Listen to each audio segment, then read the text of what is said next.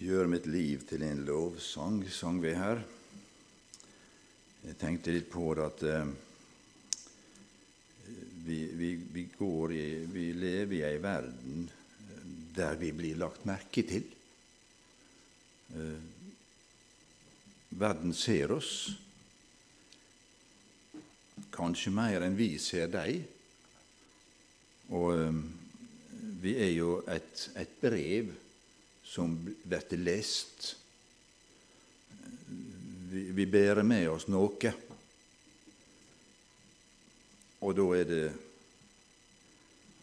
godt at vi kan ha den bønna i oss at vi Herre, la mitt liv være ei Kristi vellukt. La det være en lovsang. La det være noe som stråler lys og varme, kjærlighet, omsorg, alle disse tinga som vi kjenner sånn til. Vi merker det sjøl når vi kommer i kontakt med mennesker som, som er slik, som, som, viser kjærlighet og omsorg i praksis, hvor godt det er å være med sånne, som er rause, som ikke drar alt opp i nesa liksom, så du må passe deg for alt du sier. Å være med, la med romslige, rause folk, det, det, er veldig berikende. Sånn ønsker jeg å være. Ikke alltid lykkes det, men forhåpentligvis innimellom. Det jeg har lyst til å prate litt om i dag, har ikke direkte med, med det å gjøre, men eh, jeg eh, skal oppholde meg en del i apostelgjerningene. Eh, over flere kapittel, så det blir litt uh, spredt. Men uh, vi skal ende opp i tolvte kapittelet. Jeg syns uh, apostelgjerningene er uhyre interessant, spennende, og det er fengende. og Det er jo den tida den første kristne menighet blei til. Og noe som jeg, jeg merker meg på en måte litt spesielt i dag, til denne gangen, det er for ei stor rolle englene hadde i denne tida her. Englene hører vi jo om. Eh, til og med i Sunnmørsposten kan det stå om engler at de hadde englevakt. Eh, den og den som var ute for ei ulykke eller et uhell og sånn. Så eh, der er, der er ei viss der er visse tanker fra verden også om at ja, der er noe, og vi kaller det engler. Vi har faktisk vært to ganger i sommer i, i Valdehus inne i byen. Og, og, der, og, der, eh, får vi høre om en engel som kom med et budskap. En veldig sterk historie omkring det, det der inne. Og, og, ja, vi tror på engler. Eh, da Jesus var født, eller før det, så fikk Maria englebesøk. Eh, Josef fikk englebesøk. Hyrdene på marken fikk englebesøk. Det var store ting som var på gang, og det var nødvendig å, å, å sende ut engler som kunne, eh, som kunne, være med på dette her. Og i, i apostelgjerningene så uh, begynner jo egentlig denne boka som Lukas har skrevet, med at det sto to hvite To menn i hvite klær, kapittel 1, vers eh, 10 da Jesus hadde blitt løfta opp, så sto de og kikka etter han, og regna kanskje med han ville komme igjen om en halv times tid, for han skulle jo komme igjen, men det, det tok litt lenger. Og der sto to hvite, kledde skikkelser. Da var englene på plass med en gang. Og eh, de skal vi være glad for, at vi har dem som tjenere iblant oss. Vi skal ikke tilbe engler. Det skal ikke vi gjøre. Vi skal tilbe Jesus. Men eh, vi takker Gud for englene.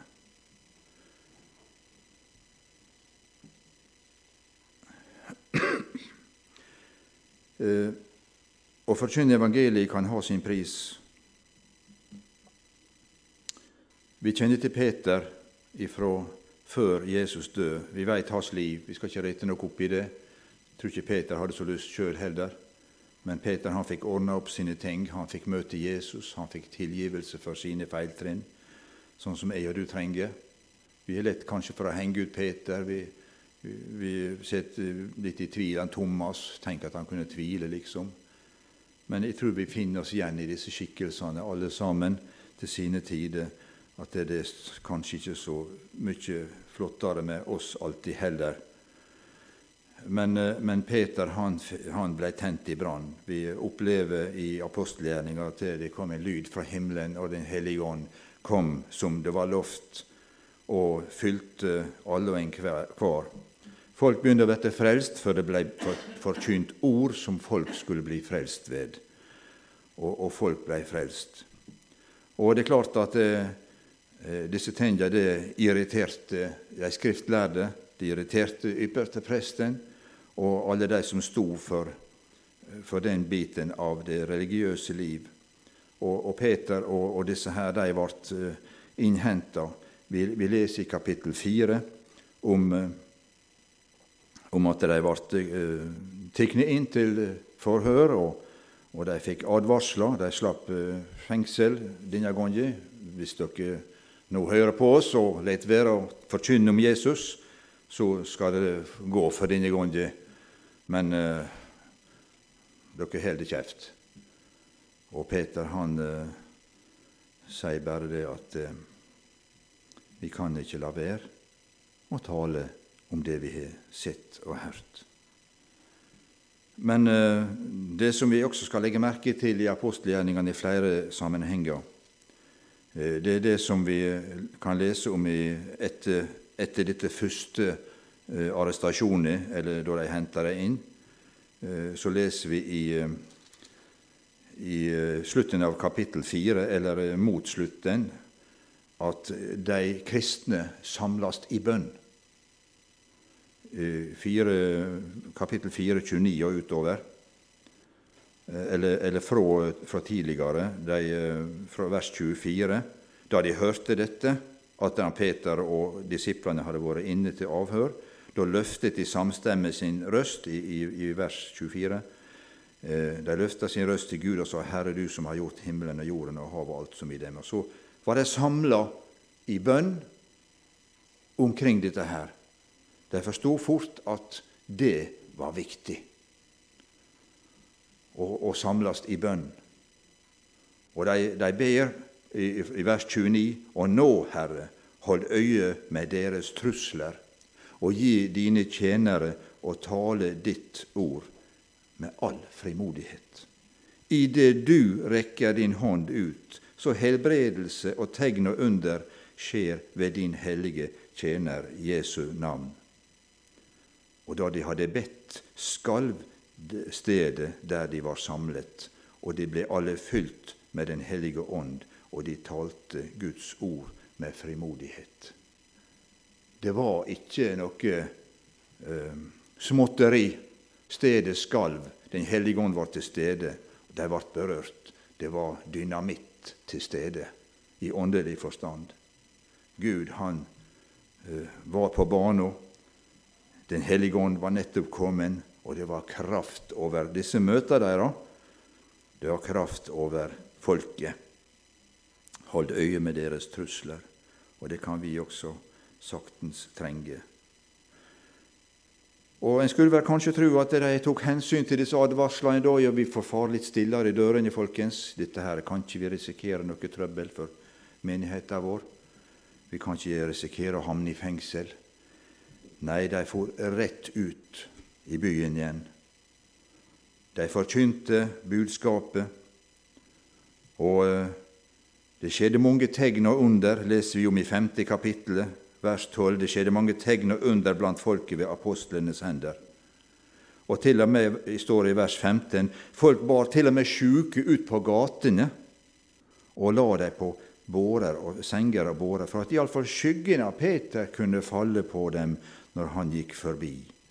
Og også fra byene rundt Jerusalem kom det mengder av folk som førte med seg syke og slike som var plaget av urene ånder, og alle ble helbredet. Du verden for en skygge Peter måtte ha. Tenk å ha hatt en sånn skygge. I eh, Salme 121 så leser vi om Det er den salmen der jeg løfter mine øyne opp til fjellene. Der leser vi om at han er en skygge ved min høyre hånd. Vet du, Det er ikke min eller din skygge som er noe magisk med. Men det er det at vi lever så nær Jesus, at han er like nær som den skyggen som vi ikke greier å sprenge ifra. Når du er ute i sola, så ser du at du danner skugge, og den føler deg så lenge du er i lyset. Og jeg tror det er den skyggen det er snakk om. Det var ikke Peters skygge som var magisk, men han var, så, han var så tett på Jesus at Jesus var der som skyggen til Peter. Og krafta var rundt deg til å helbrede. Alle står her. Ja, ja, det var da, det, sier vi.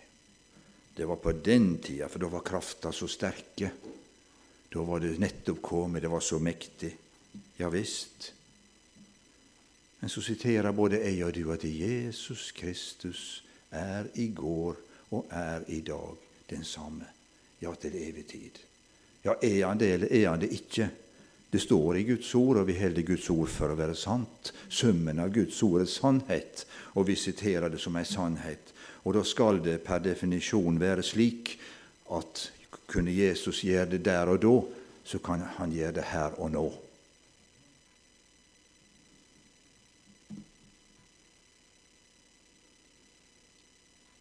Jeg føler jeg har lyst til å si tre ord om, noen få ord om en ung broder som vi har ute i øyene med oss.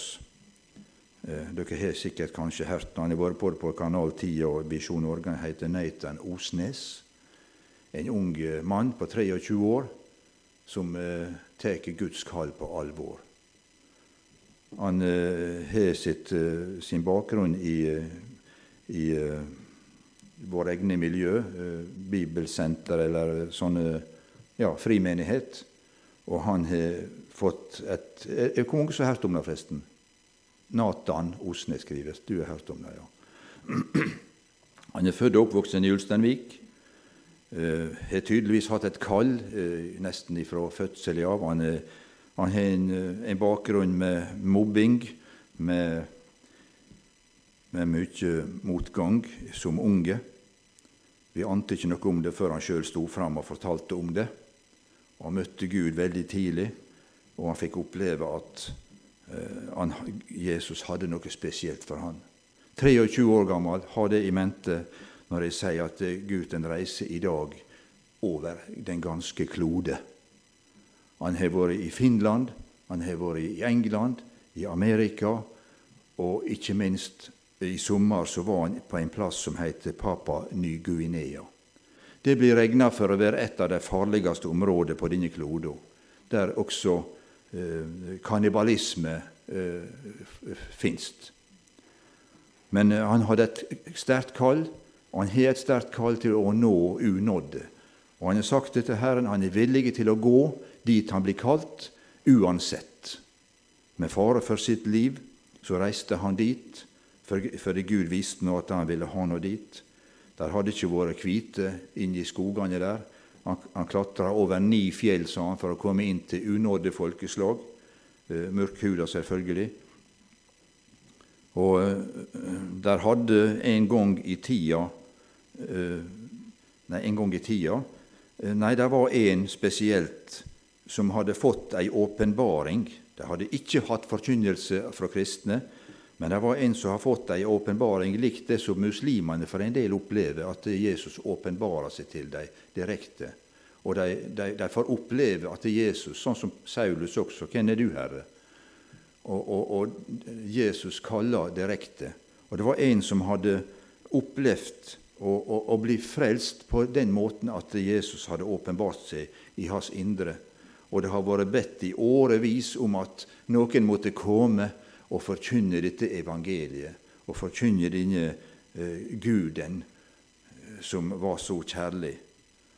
Og her kommer han, og han ble mottatt som en, en konge når han kom fram. Men han hadde med seg vakt, for de var, de var jo tross alt eh, i et land der, eh, der det var mye drap og mye elendighet.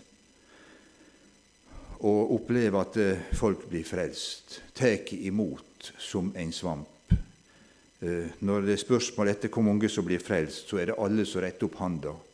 Og folk blir eh, blende fra brannsbeina av fra fødselen. De blir, de blir sjående. Lamme fra fødsel, ja. De blir, de blir sprenge rundt. Og når han, hjem, han kom hjem og var i menigheten vår i Filadelfia, så, så, forteller han om disse turene. Du kan tro det er et, et eventyr, men det er sannhet.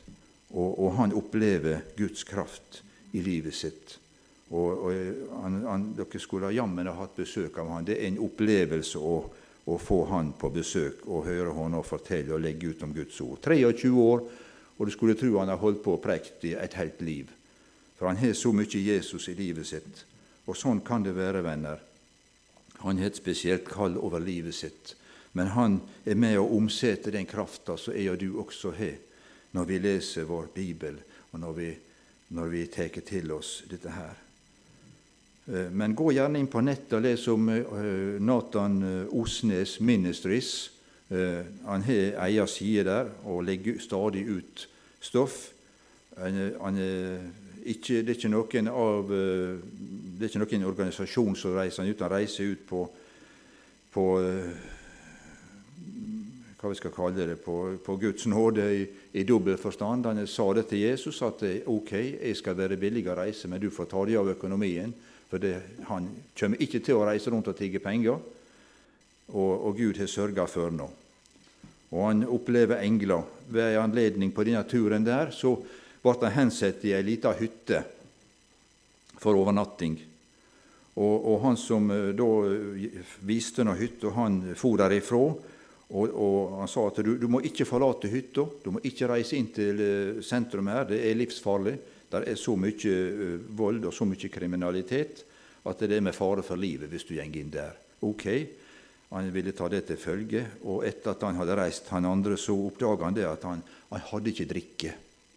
Og det var enormt bruk for drikke, for det var så grusomt varmt. Og han skulle være der til neste dag. Og han, han lurte på hvor, hva i verden han skulle gjøre med det. For han, han visste han kom til å få problemer med, rett og slett med mangel på drikke.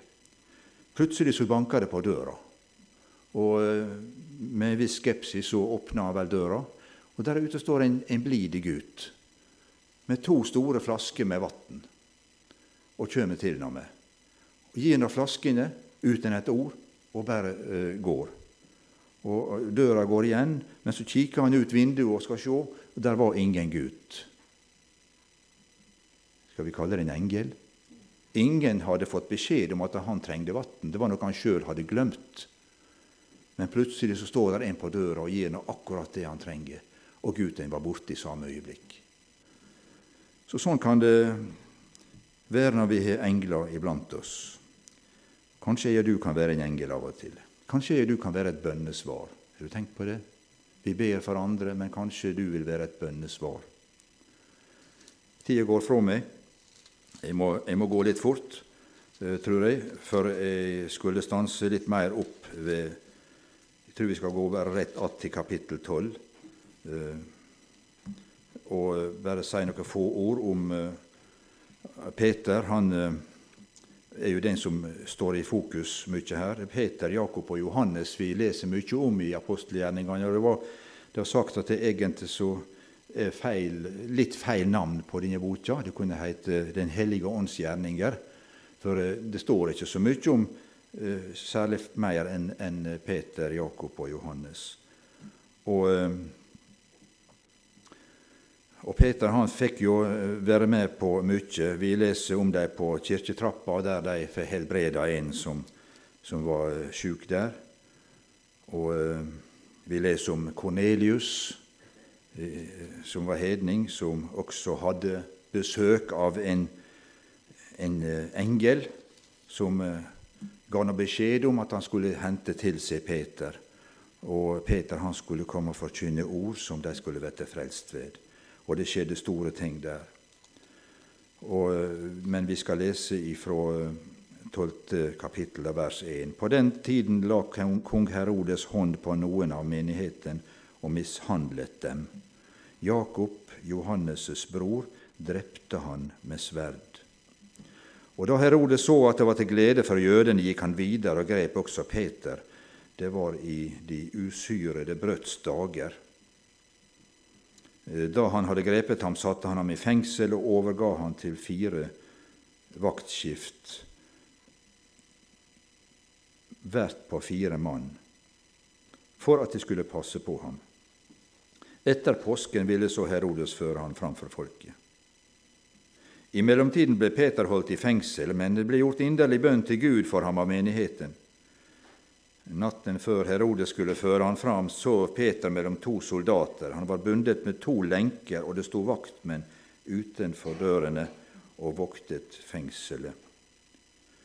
Her har man tatt alle forholdsregler. Fire mann hver på seks timer rullerende hele døgnet. Peter sov imellom to vaktmenn, lenka fast. Der sto vaktmenn utafor ei stengd fengselsdør. Stort sikrere fengsel kan man vel kanskje ikke tenke seg. Peter hadde ikke så lyse utsikter. Det var døden som venta. Dette her var alvor. Det var ikke en vennlig advarsel. 'Peter, nå må du ta deg sammen og la være dette så vi har sagt med deg.' Nei, Herodes han hadde dråpet en av, Jesus, en av eh, Peters sine lagsbrødre, Jakob. Det var forfølgelse, det var martyrium. Og Peter skulle bare avvente at høytida var over. Så skulle dommen falle. Og det var så sikkert som lås at det ble døden. For Herode, som satt med makta her, han så at dette her, det, det syntes ikke om. Og eh, han ville følge opp, for da ville jo populariteten hans øke. Men himmelen ville det annerledes. Og eh, Peter måtte jo ha ei fenomenal fred i sitt indre. Hvem av oss hadde lagt oss til å kunne sove i en sånn situasjon, der vi ikke visste hva tid livet var slutt, der vi lå i et fengsel oppbundne med lenke og påvakta, ingen mulighet til å komme ut, ingen besøk, ingen bønnemøte. Her lå Peter og sov. En Herrens engel sto der plutselig og et lys skinte i fangerommet. Så støtta Peter i sida. 'Peter, stå opp. Kom an. Kan ikke ligge her og sove nå.'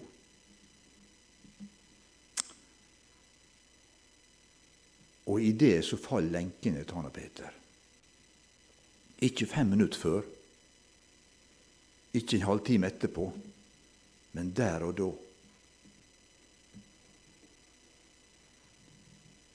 Engelen sa til han, Spenn beltet om deg og ta skoene på. Han gjorde så, og han sier til ham, Kast kappen om deg og følg meg.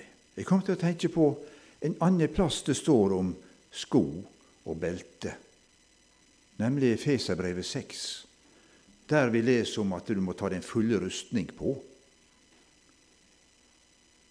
Der er det snakk om sannhetens belte. Og det er snakk om sko på føttene. Det er den beredskap som fredens evangelium gir. Og jeg veit ikke Jeg har aldri hørt noe sagt noe om det men for meg så blei det en påminnelse om at Peter holdt deg til sannheten. La det være det viktigste sannheten. Og gå på det. Gå på det som sannheten gir deg. Kast kappa om deg og følg med. Han gikk da ut og fulgte ham, vers 9 her. Han forsto ikke at det som engelen gjorde, var virkelig, men han trodde han så et syn. De gikk forbi både den første og den andre vakten og kom til jernporten som førte ut til byen. Den åpnet seg av seg selv.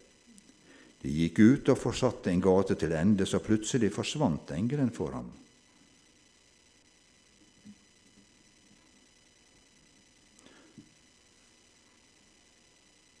Vi leser om andre sammenhenger der folk ble bortrykka, der folk ble forflytta. Og her kunne nok Herrens engel ha, ha gjort et sånn knips og tatt Peter derifra og så sett nå bort i Marias hus eller ut på gata i sikkerhet. Men nei, her oppsøker engelen Peter i den situasjonen han var. Og så ber han Peter om å gjøre noe sjøl.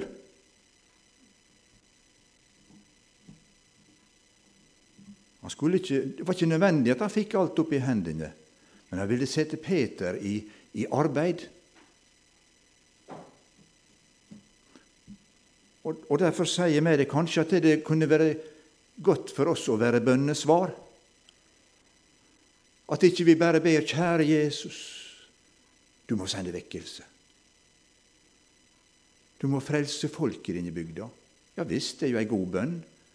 Men er vi villige til å gjøre noe for at det skal skje slik?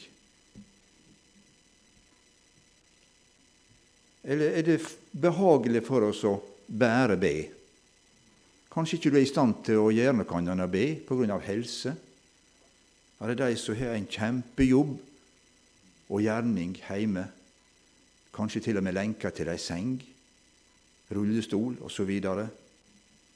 Men de har ei fantastisk gjerning i å be. Det er mange sånne. Det står ikke om dem i avisa. Det blir ikke sagt så mye om dem fra talerstolen.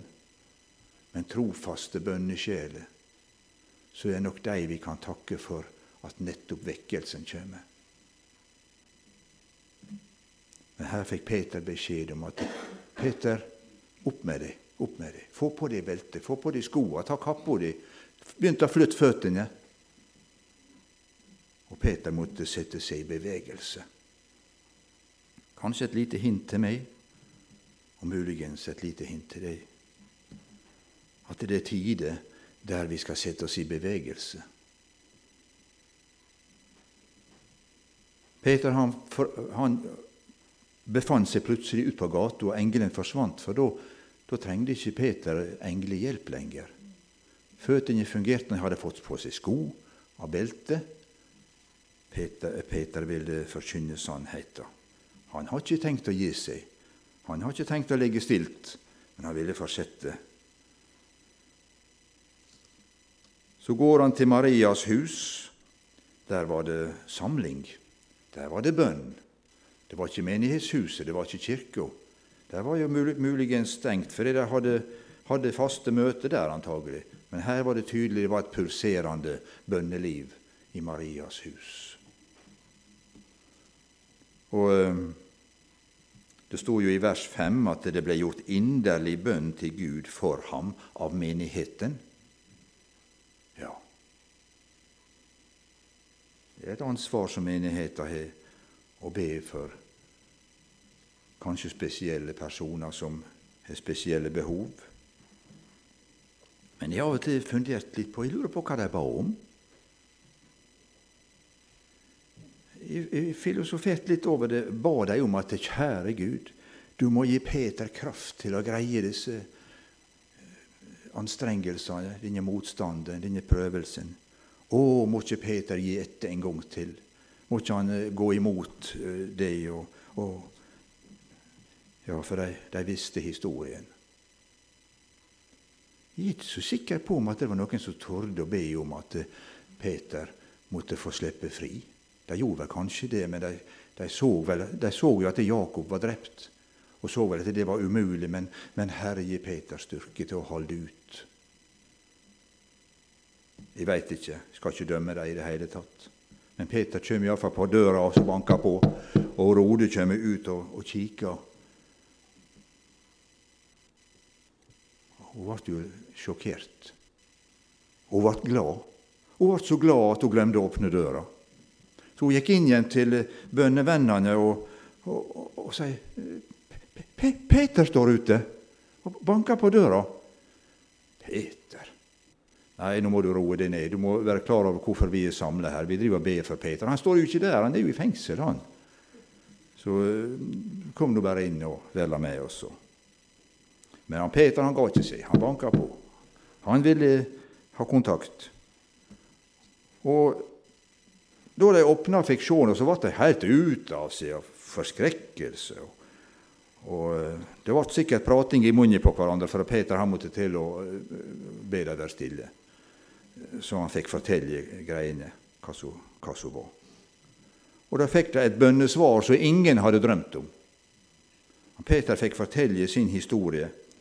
Og tenk det, og la ikke oss underslå det, deres bønnemøte. Det var kanskje ufullkomne bønner, men det var i oppriktighet. De var der be for en, ba for en av sine som virkelig satt i klisteret. Og Herren så i nåde til Peter. Og jeg tror mye av det, eh, den redningsaksjonen var nettopp fordi at menigheten av vennene var i bønn. Tror vi på bønn? Er det noe vits i å be? Eller har du bedt så lenge at du har Det er ikke vits i å be. Får ikke svar likevel. Mange som tenker slik. Kanskje med god grunn, for åra har gått, og du ser ikke noe forandring. Så prøver vi å finne en god forklaring, men det er ikke lett. Til og med Katrin Kullman, har var død i mange år, amerikansk forkynner, opplevde fantastiske helbredelser. Folk ble helbreda bare kom inn i lokalet. Jeg har hørt snakk om at hun stort sett ikke ba for noen, men folk ble bare helbreda i den sterke atmosfæren. Men hun skal ha sagt det at det, det er ikke alle som blir helbreda, og jeg veit ikke hvorfor. Hun hadde ingen lettvinte forklaringer. Og vi skal ikke være for snare med lettvinte forklaringer hvorfor den ene og den andre ikke har fått bønnesvar. Men jeg veit bare Bibelen sier at vi skal be, og vi skal få.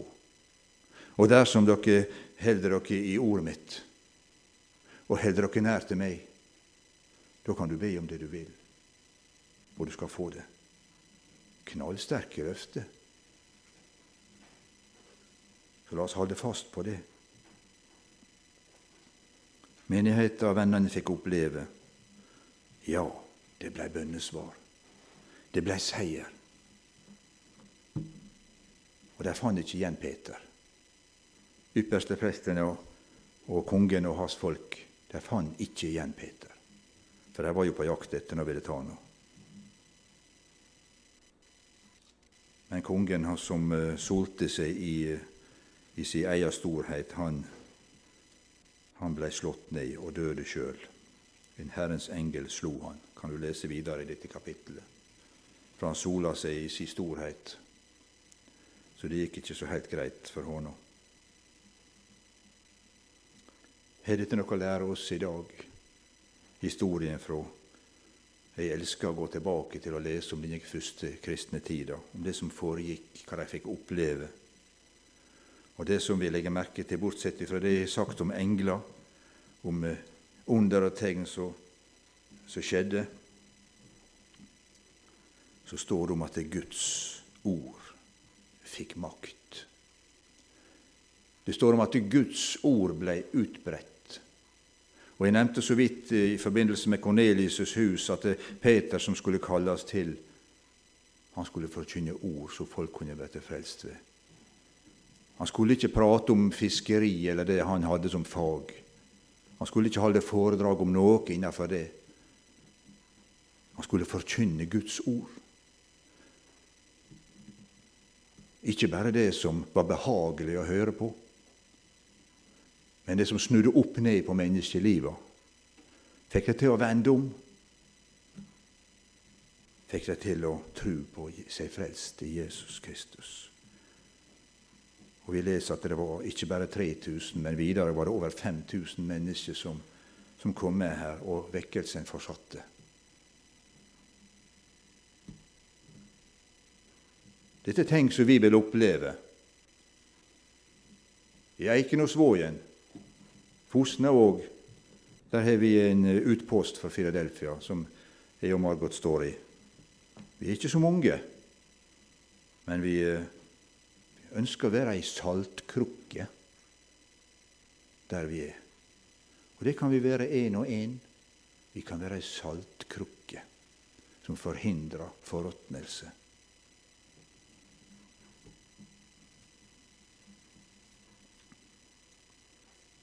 Og eh, Vi har hatt møte i sommer i eh, Philadelphia.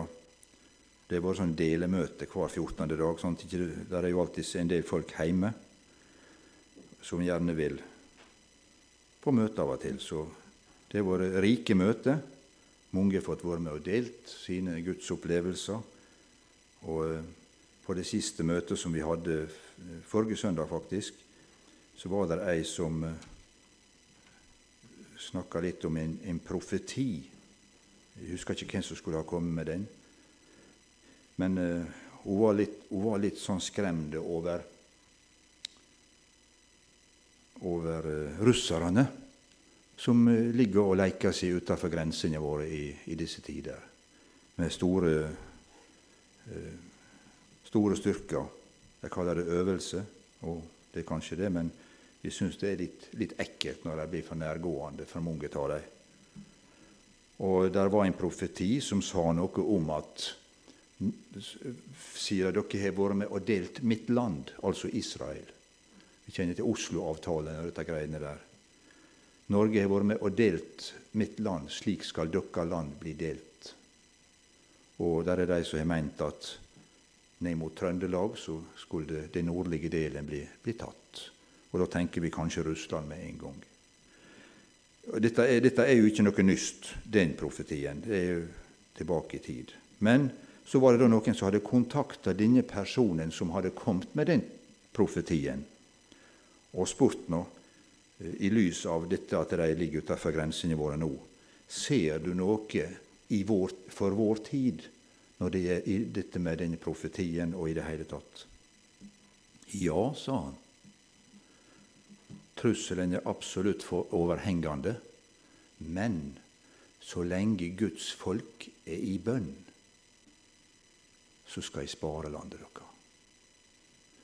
Så lenge Guds folk ber, så vil ikke det skje.